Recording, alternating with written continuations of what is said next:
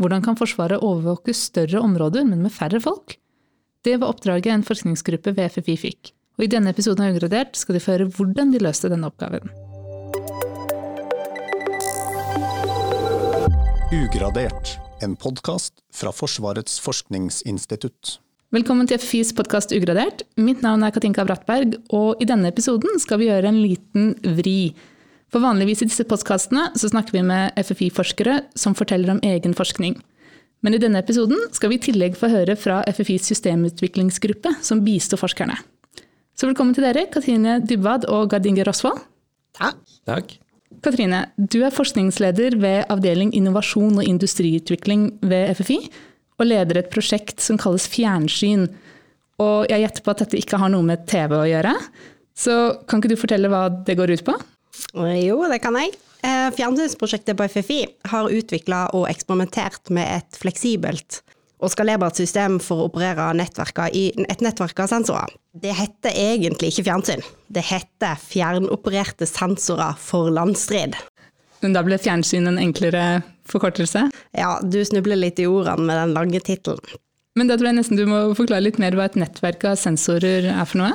Eh, det handler om å komme bort fra en situasjon der du bare bruker én sensor eh, og én mann til å overvåke ett sted men å kunne bruke flere sensorer, eh, og fortsatt bare én mann, men til å overvåke et større område. Så det handler da om grupper av sensorer som kommuniserer over en bærer, eller en 4G, eller radio, eller eh, fiber, f.eks. Og sender signalene hjem til der operatøren sitter, også kalt en observasjonspost. Og der kan operatøren sitte og følge med på videoen, eller lyden, eller deteksjonene som kommer fra radaren, som står og dekker det området han er ansvarlig for å passe på. Så for å få bedre oversikt, rett og slett? Ja. Bedre situasjonsforståelse er vel det riktige begrepet. Og kan du gi noen eksempler på hva slags situasjoner dette kan være nyttig i? Um, si at du har et kritisk punkt et eller annet sted i landet, en bru f.eks., eh, der du gjerne vil eh, passe på alle adkomstveiene til den brua. Eh, og der du vil sitte og, og kunne si fra at nå kommer fienden, og de kommer der. Men du vil ikke bruke ti folk til å gjøre det, så da setter du ut sensorene først, og så trekker du deg sjøl tilbake. Da har du både bespart personellressurser, men du har òg satt deg sjøl i en tryggere situasjon, med at du ikke sitter der fienden potensielt kommer. Og hvorfor er dette da spesielt viktig? Du er jo inne på det, men um, vi har fått dette prosjektet for å gjøre Forsvaret i stand til å overvåke større områder med færre folk. Eh, det var på en måte behovet vi fikk. Eh, men det handler jo òg om å gjøre systemene i Forsvaret mer fleksible. At vi kan bruke alle de sensorene vi har, og i tillegg få nye sensorer, og fortsatt kontrollere de fra ett sted. Så enklere opplæring, enklere forvaltning. Eh, mer intuitivt, da. Men Gard Inge, du er jo ikke forsker, men jobber i noe som heter Systemutviklingsgruppen ved FFI. Hva er egentlig det? Stemmer. Er en del av systemutviklingsgruppa, som du sier. Og de, vi er på en måte internkonsulenter på FFI. Hvor vi kan, eh, forskere kan komme til oss og si at vi har behov for programmering eller systemutvikling i dette forskningsprosjektet, men vi har ikke lyst til å ansette noen sjøl for å bare gjøre den lille jobben. Så da kommer vi til gruppa vår og spør har dere noen som kan denne programmeringen, eller kan dette rammeverket, eller denne, har jobba med dette før? Og så ser vi i porteføljen vår om hvordan ligger vi an i hvilke prosjekter vi har, hvilke folk har vi tilgjengelig, og hvilken kompetanse har de? Og så kan de si ja, dette kan vi jobbe med, eller dette kan vi bidra til, som en sånn slags ja, eh, konsulent i programmering internt. Så da kan dere rett og slett bistå forskerne ved FFI med systemutvikling etter det behovet de har, da? Det stemmer. Var det det som skjedde med dette fjernsynprosjektet også? Ja, det var eh, akkurat i en periode hvor jeg begynte å bli ferdig med et annet prosjekt. Så kom Katrine og spurte eh, lederen vår om, om, vi hadde tilgjengelig kapasitet. Ja, for um, vårt prosjekt skulle jo egentlig går ganske fort. Uh, og vi skulle ha samarbeid med industri, men vi trengte også internkompetanse for å få det gjennomført. Um, og da fant vi ut at det å få eh, interne software-ressurser med på prosjektet, det ville bidra til å bygge kompetanse òg på FFI, eh, sånn at vi fikk bestillerkompetanse. I tillegg til at vi faktisk trengte det for, å få gjennomført prosjektet. Og alle de behovene som, som, Katrine hadde i prosjektet her, dette var ting du kunne fra før av, eller? Så du visste akkurat hva som trengtes å gjøres? Egentlig ikke, og det der jeg synes det er veldig kult og gøy å jobbe på FFI, fordi um, en del av tida vi jobber skal vi bruke på kompetanseheving. Uh, og i den forbindelse har vi masse penger til kursing og til uh, å dra på konferanser. Så i det prosjektet her så hadde Katrine behov for uh, en programmerer som kunne programmeringsspråket C++. Og det har jeg aldri prøvd før, men jeg hadde lyst til å prøve meg på det. Så da fikk jeg dra på NDC, som er en, en godt godkjent norsk konferanse for programmerere og denne var da i Kongsberg. Så da hadde de en workshop som var over to dager, hvor man kunne lære C++ som nybegynner. Så jeg dro på den eh, og lærte meg C++. I ettertid viste det seg at dette var en C++ som var veldig ny, altså versjonen 21 og 17. Mens C++ har vært i mange år, over 20 år, så det jeg lærte i, i eh, det lærte på Kongsberg var en moderne versjon, mens det jeg skulle jobbe med var en umoderne versjon. Men jeg klarte nå å komme meg gjennom det til slutt og få lage programmering jeg trengte. Og jeg hadde jo ikke skjønt hva jeg så på hvis ikke jeg hadde hatt det kurset, men det var kanskje ikke helt det samme. men du hadde muligheten til å lære deg noe nytt som kanskje kommer andre prosjekter ved Fufitti gode senere, da?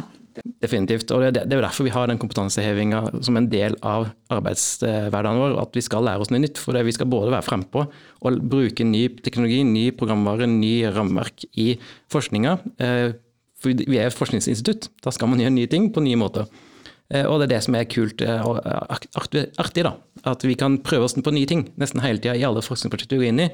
Så er det ikke alltid gjør det du har gjort før. Eh, og, og, det jeg fikk til her, da, bare, selv om det var C++ er gammelt, men jeg kunne prøve å vri det inn i den moderne versjonen, siden det var det jeg kunne. Eh, men Katrine, kan ikke du fortelle litt mer om hvordan dere arbeidet med dette prosjektet? Jo, nei, Det som var viktig for meg når jeg fikk Arne med på teamet, var jo at han var en del av teamet mitt, da, eller vårt team. Eh, fordi vi skulle jobbe veldig tverrfaglig. Eh, og vi skulle jobbe med hardware, altså dvs. Si faktiske sensorer rutere og PC-er på, på, på, på, lab. Og, og, da må vi på en måte være sammen med hele fagkompetansen som skal jobbe for å få det til. Eh, det andre handler jo om at vi har en del samarbeid med industri. Det er industripartnere som er involvert i prosjekter. De trenger vi jo, fordi til syvende og sist er det de som må realisere dette, sånn at Forsvaret kan få det i drift. Eh, og så har vi hatt med oss FMA eh, IKT-kapasiteter. Fordi det er de som skal forvalte det når det er ferdig. Eh, og da har vi jobba veldig eh, teambasert, eh, tverrfaglig, eh, og sammen hele tida. Samtidig som vi òg har jobba tett med selve brukermiljøet i Forsvaret, da. Hvordan har dere jobbet med brukermiljøene for å finne ut om det dere lager passer til deres behov? Ja, vi, vi begynte jo prosjektet med et behov eh, fra helt konkrete brukermiljøer. Eh, men vi hadde òg sett at dette behovet er veldig generelt for hele Forsvaret. Så vi har hatt de konkrete brukermiljøene involvert hele tida i prosjektet, og de har kommet med sine synspunkter eh, og bidratt med å gi oss en brukerforståelse. I tillegg så har vi vært heldige og blitt invitert på en del eh, øvelser og felttester sammen med brukere. Og det er vi helt avhengig av. Og Hva var din rolle under disse feltøvelsene, Kardinge? Um, det er jo å delta på det, da, og være der og, og snakke med de som, som, er eh, de som skal bruke programvaren vi lager. Så det har ikke bare vært å sitte bak en skjerm inne og programmere ting, du har fått være med ut i feltet også? Flere ganger. Eh, og den aller første som vi dro ut på, da var vi en tur i Nord-Norge på sommerstid i juni. Eh, og når vi kom opp dit, så var det visstnok den og de ukene det har vært det fineste været noen gang i Nord-Norge. Og det regna rett før vi kom, mens når vi kom så ble det solskinn og klar himmel og sol hele døgnet. Det er det som er fint, da, at du får de ideelle forholdene å teste på når du driver med testeksperiment. Så vi hadde iallfall sol hele dagen. Eh, hele dagen, bokstavelig talt. Det er jo midnattssol oppe i Nord-Norge. Eh, og, og, skulle prøve å sette ut sensorer da, i et nettverk på utsida, eh, ute i terrenget, ute i dalskogen i, i fjellet og så skulle Forsvaret kjøre med sine kjøretøy mot sensorene våre, så vi kunne oppdage de. Eh, dessverre så var det litt eh, trøblete, og vi fikk aldri sensorene lenger ut enn på utsida av vinduet. Eh, og vi fikk heller ikke til å se noen ting, eller styre, eller få videoen til å funke sånn som vi hadde tenkt. Så dessverre, på tross av sol og lange dager, så var det, så var det ikke så vellykka at vi fikk gjort det vi hadde tenkt. Så dette er et eksempel på at ikke alt går etter planen når man driver med denne type forskning, da. Det er et veldig godt eksempel på det. Det som er gøy med de turene, du får, du får gjort mye, mye ting og prøvd mye ting. eh, Og det er jo det vi tar med oss tilbake igjen som er viktig her. Og selv om ikke testen ble sånn som vi hadde tenkt, så lærte vi mye om hva vi må gjøre annerledes for at det skal funke neste. For det er jo det, i forskning så skal du ta feil av og til. For det er sånn du lærer best av hvordan du kan komme videre. Og hva, hva lærte dere?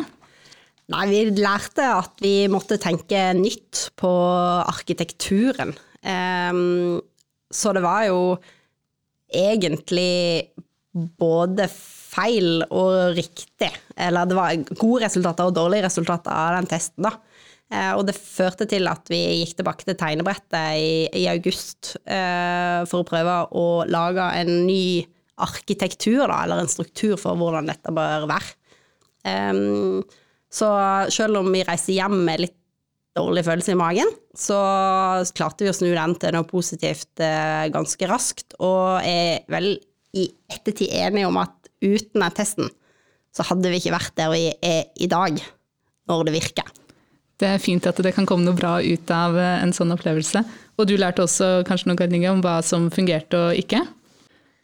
Ja, eh, vi lærte en del om, om, om strukturen i programmeringa og i, i, i den, den DDS-en. Altså, det vi skulle lage eh, som programmerere for fjernsyn, var adaptere som ligger mellom en sensor og over på en databuss, altså en, en eh, mellomtjeneste som tar data inn og gir den til alle som er interessert i den dataen på andre sida, f.eks. en kasttjeneste som viser hvor en sensor står i, i verden den, får den dataen fra en sånn databuss som kalles DDS, altså Data Distribution Service, eller datadistribusjonstjeneste på norsk. Eh, Den kan distribuere dataen til de som har lyst på det, av applikasjoner, karttjenester eller observasjonslister som viser hva som er funnet, forskjellige ting. Mens tilbake igjen så sier jo kartet jeg har lyst til at denne sensoren skal se til det punktet, så sender en kommandobeskjeder tilbake igjen.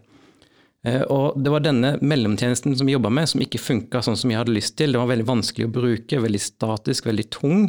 Eh, Så vi fant ut at vi trenger en mer dynamisk løsning på det, så at vi kan sette på en sensor uten at de må ut og skru av på hele systemet, f.eks. Eller at vi kan eh, eh, koble på flere måte, deltakere til å ta imot data, uten at de må igjen skru av på hele denne mellomtjenesten.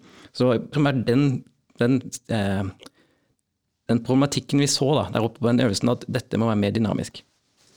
Og grunnen til at det må være mer dynamisk, bare for å putte brukerperspektivet på det, det handler om at eh, en bruker som skal sitte trekt tilbake, han kan ikke springe fram og tilbake for å skru ting av og på. Eh, og han kan heller ikke bruke masse tid på å lære seg å sette dette systemet opp. Det må gå litt av seg sjøl. Så når du har valgt hvilke sensorer du skal ha med deg på den turen du skal, da, og får kobla de sammen og satt på strøm, så skal systemet skjønne resten, sånn at det nesten er plug and play for en bruker som kan være i ytterste fall en, en vernepliktig. Da. Nettopp, så det enkleste er det beste. Riktig. Og da var det bare å, som du sier, Katrine, gå tilbake til tegnebrettet da, og forsøke igjen. Ja, vi gjorde det. Eh, og denne gangen tok vi oss eh, tid til å gjøre det. Eh, eh, god tid. Eh, og vi inviterte til flere gjennomganger med andre eksterne, da, f.eks. FMA IKT, for å bare sikre at dette var i henhold til forventninger og forvaltningsprinsipper. Og, og vi inviterte med en industripart da, til, å, til, å, til å lage det. Gard Inge, hvordan var det for deg å starte opp igjen med dette som da ikke hadde gått så bra i første runde? Det var rimelig kjedelig i begynnelsen. Da var det bare å sitte og tegne og tenke og lage bokser og ingen programmering i flere måneder. Eh, Men det gøye er jo at jeg fikk jo da satt mitt preg på dette. Vi var jo med i arkitekturdiskusjonen, vi var med i strukturmøtene, og vi fikk satt vår protokoll, hvis vi kaller det. Det er måten du snakker til og fra denne DDS-en på.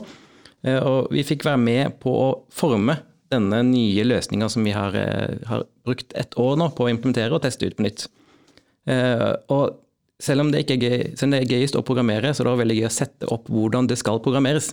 Måte, sette opp denne strukturen, sette opp boksene, sånn at de Hvordan skal denne kommunikasjonen foregå på tvers av alle, alle lager? Da? Vi, har, jo- vi helt ute på sensoren, vi må programmere der, og så må vi programmere på den noden som tar imot informasjon fra sensorene, og som sender videre tilbake til der han observasjonsposten med observatøren sitter. Det er mange ledd her. Og da fikk vi være med å forme alle delene underveis. Da. Det var veldig artig å, å få, få den følelsen av, av struktur og, og styring rett og slett, på hvordan det her skal bli. Og så tror jeg det krevde bitte litt øvelse på kommunikasjon. Fordi du snakker sammen med FFI, og du snakker sammen med industri og FMA. Alle har litt forskjellig språk. Og en del av den arkitekturjobben handler òg om å få alle til å snakke om de samme eplene og de samme pærene. Sånn at alle forsto hvordan det skulle være før vi satte i gang og programmere. Det. Det kan være en ganske krevende øvelse, det. Ja, det kan det, men det gikk helt uh, fint. Og hvordan gikk andre forsøk, da? Um, det gikk uh, Eller det har gått veldig bra. Uh, fra vi begynte å implementere til vi hadde oppe det samme som vi på en måte feila med i første runde, så gikk det fire uker, tror jeg. Så det gikk kjempefort. Og det var jo fordi at vi hadde gjort en god jobb på arkitekturen, og alle snakka om det samme. Og så hadde vi med oss flinke folk, rett og slett. Og siden har det egentlig gått uh, ganske fint. Eh, vi har hatt flere eksperimenttester både alene og med Forsvaret. Og akkurat nå så er et system uh, ute på testdrift da, et sted i Forsvaret. Og hvordan var det å være med på test nummer to, Gard? Og mye mer godfølelse. Vi, vi har jo hatt i hvert fall to tester, så inkluderer den siste her som er å sette det ut i drift. Og så har vi hatt en sånn mellomtest Eh, og etter mellomtesten og før test nummer to, så eh, måtte vi jo definere navn, da. Eh, og da kunne alle, altså alle Vi hadde snakka om hva vi skulle kalle denne protokollen, og så sa jeg vi kan kalle det for Varde. For det Varde består av forskjellige steiner som står oppå hverandre som lag. Og de står ofte langt ute for å måtte simulisere her er det informasjon, her kan du gå til for å komme til. Og det er jo det vi setter ut. Vi setter ut Varder som passer å informere tilbake til her, her er det noe interessant. Uh, og da fikk jeg satt min, mitt navn på dette prosjektet, for det var mitt forsvar som var nærvære. Det visste ikke jeg. Kjempegøy. Det er veldig gøy. Uh, og det andre tingen som var skjedde mellom disse, den første testen og andre testen, var jo at vi har også definert protokollen på hvordan, hvordan vi skal sette sammen disse dynamiske sensorene, poppe opp og kunne styres enklere av brukeren. Uh, og han ene programmereren fra industriaktøren som vi samarbeider med, som plutselig fikk en åpenbaring om hva er, vi har måte, strukturert her, den dynamiske biten, var dette er jo genialt. For du kan sette sammen hvordan ting skal kommunisere ved hjelp av en sånn eh, konfigurasjonsenhet, da, konfigurasjonsparametere, som, som, kan gjøre akkurat det du vil, så lenge du bestemmer hvordan du skal løse det. Og når han så den muligheten, og bare dette, denne protokollen kan løse alt de vil hvis vi bare bruker den riktig, når han så den åpenbaringa som vi andre har prøvd på en måte, sånn kan vi bruke det her for å få det til, og når han så den, så bare da får du den programmeringsglimtet om at du har gjort noe veldig lurt. og det, det, er deilig å føle på. Eh, så når vi da var ute i felt, da, ute i, da var vi på eh, Rena, så skulle vi teste dette systemet ute i felt. Vi satte opp noder langt unna, flere hundre meter, med radiokommunikasjon tilbake til OP-en. Hvor de hadde forskjellige sensorer, kameraer, lyddetektorer som fanger opp lyd og sier fra 'nå skjer det noe der borte'. Foreløpig fanger de opp drone, eh, så de sier fra 'nå er det en drone der borte'. Eh, og, og, skulle overvåke forskjellige elementer av denne betebanen. Og vi kunne bare skru på systemet, ting kom inn. Det var ingen sånne kneiker vi måtte over. Altså det er alltid bugs og ting som ikke funker som, som vi har forventa, og ting vi må fikse så skal bli bedre. Men det var mye mer Det bare fløyt, da. Du kunne liksom få gjort oppdraget heller enn å løse programmeringa der og da. For, for, de av oss som ikke er så inne i denne systemutviklingen, kan ikke du prøve å forklare hva er det geniale ved Varde? Ja, det han eh, programmereren nevnte var genialt, det er eh, i Varde-protokollen så prater du mellom sensor og eh, en applikasjon som tar imot dataen fra sensoren. da. Eh, og når du setter opp hvilken sensor du skal ha der ute, så kan du konfigurere hvordan den skal oppføre seg. Og i denne konfigurasjonsmuligheten så kan du velge nesten helt fritt hvordan måte, eh, i, i, programmering så har du noe som heter int og strings og booleans, som forklarer enten er det et tall, eller så er det en streng, eller så er det en, en sannhet, eh, falsk eller ufalsk. Og du kan i konfigurasjonsparameteren sette opp skal du, måte, hva skal denne konfigurasjonsparameteren være for noe, f.eks. en string eller int, og hva skal den gjøre når den settes på en eller annen måte, uh, og det er alt. Og på mottakssida da, så kan du si når den konfigurasjonsparameteren settes, så skal noe skje. Og da har du alle muligheter for å konfigurere på akkurat samme måte du vil. Gitt at du ikke vet hvordan en sensor funker, så kan du alltids bare legge det i programvaren hvordan skal den funke, selv om ikke du har møtt den sensoren før. Så det er veldig dynamisk å sette opp sammen hvordan en, en, sensor skal oppføre seg, selv om du ikke egentlig har møtt den sensoren før, bare ved å sette opp de her konfigurasjonsparametrene akkurat sånn som du føler for. da. Eh, Jeg tror nesten du er nødt til å forklare hva en konfigurasjonsparameter er for noe. Yes. Um, hvordan skal man klare det på en god måte? da? En GPS kan være eh, i forskjellige tilstander. Enten så har den en posisjon som du har gitt den, den er fastsatt. Eller så kan du si jeg skal motta GPS fra satellittene, så at det får den dynamisk hele tida flytte, på- seg. Og Det er en parameter du kan konfigurere. Som du kan sette da, at Enten skal GPS-en være i en live mode, så den tar imot data fra satellitten, eller så kan den være i en manual mode, hvor du har gitt den posisjonen fastsatt statisk. Og den kan Det er en konfigurasjonsparameter som du kan konfigurere akkurat som du vil. Enten så kan du legge inn en posisjon som er fastsatt, som du vet om alltid, som en av de manuelle, eller så kan du ha en manuell hvor du setter inn der og da. Dette gjør det veldig enkelt for en bruker å finne ut at de posisjonene jeg oftest bruker, de vil ha en del av den lista som vanlige posisjoner, mens av og til så er de på en ny plass, og da vil du ha en manuell på en ny plass. Så det er en konfigurasjonsparameter. Du konfigurerer sensoren gjennom Varde til å oppføre seg på en viss måte. Ble litt mer klok i hvert fall, som jeg ikke skjønner alt. Men betyr dette at dere er i mål med prosjektet nå da, Katrine? Mm, Tja, nei, vi er vel ikke det. Um, men vi er, vi er over kneika, da. Eh, og vi har noe som virker, og det virker bra. Uh, og vi jobber nå med å på en måte sørge for at det blir noe. Uh, sånn at ikke det støver ned på FFI, men at vi klarer å få det driftsstøttet i Forsvaret. Samtidig som vi nå òg jobber med å videreutvikle det som ikke er ferdig. Men vi vet nok nå til at vi vet at det er en god løsning, da. Og vi har fått tilbakemelding fra brukermiljøet i, i Forsvaret på at uh, de har troa. Uh, det er jo fordelen, sånn som på betebanen, alt virker.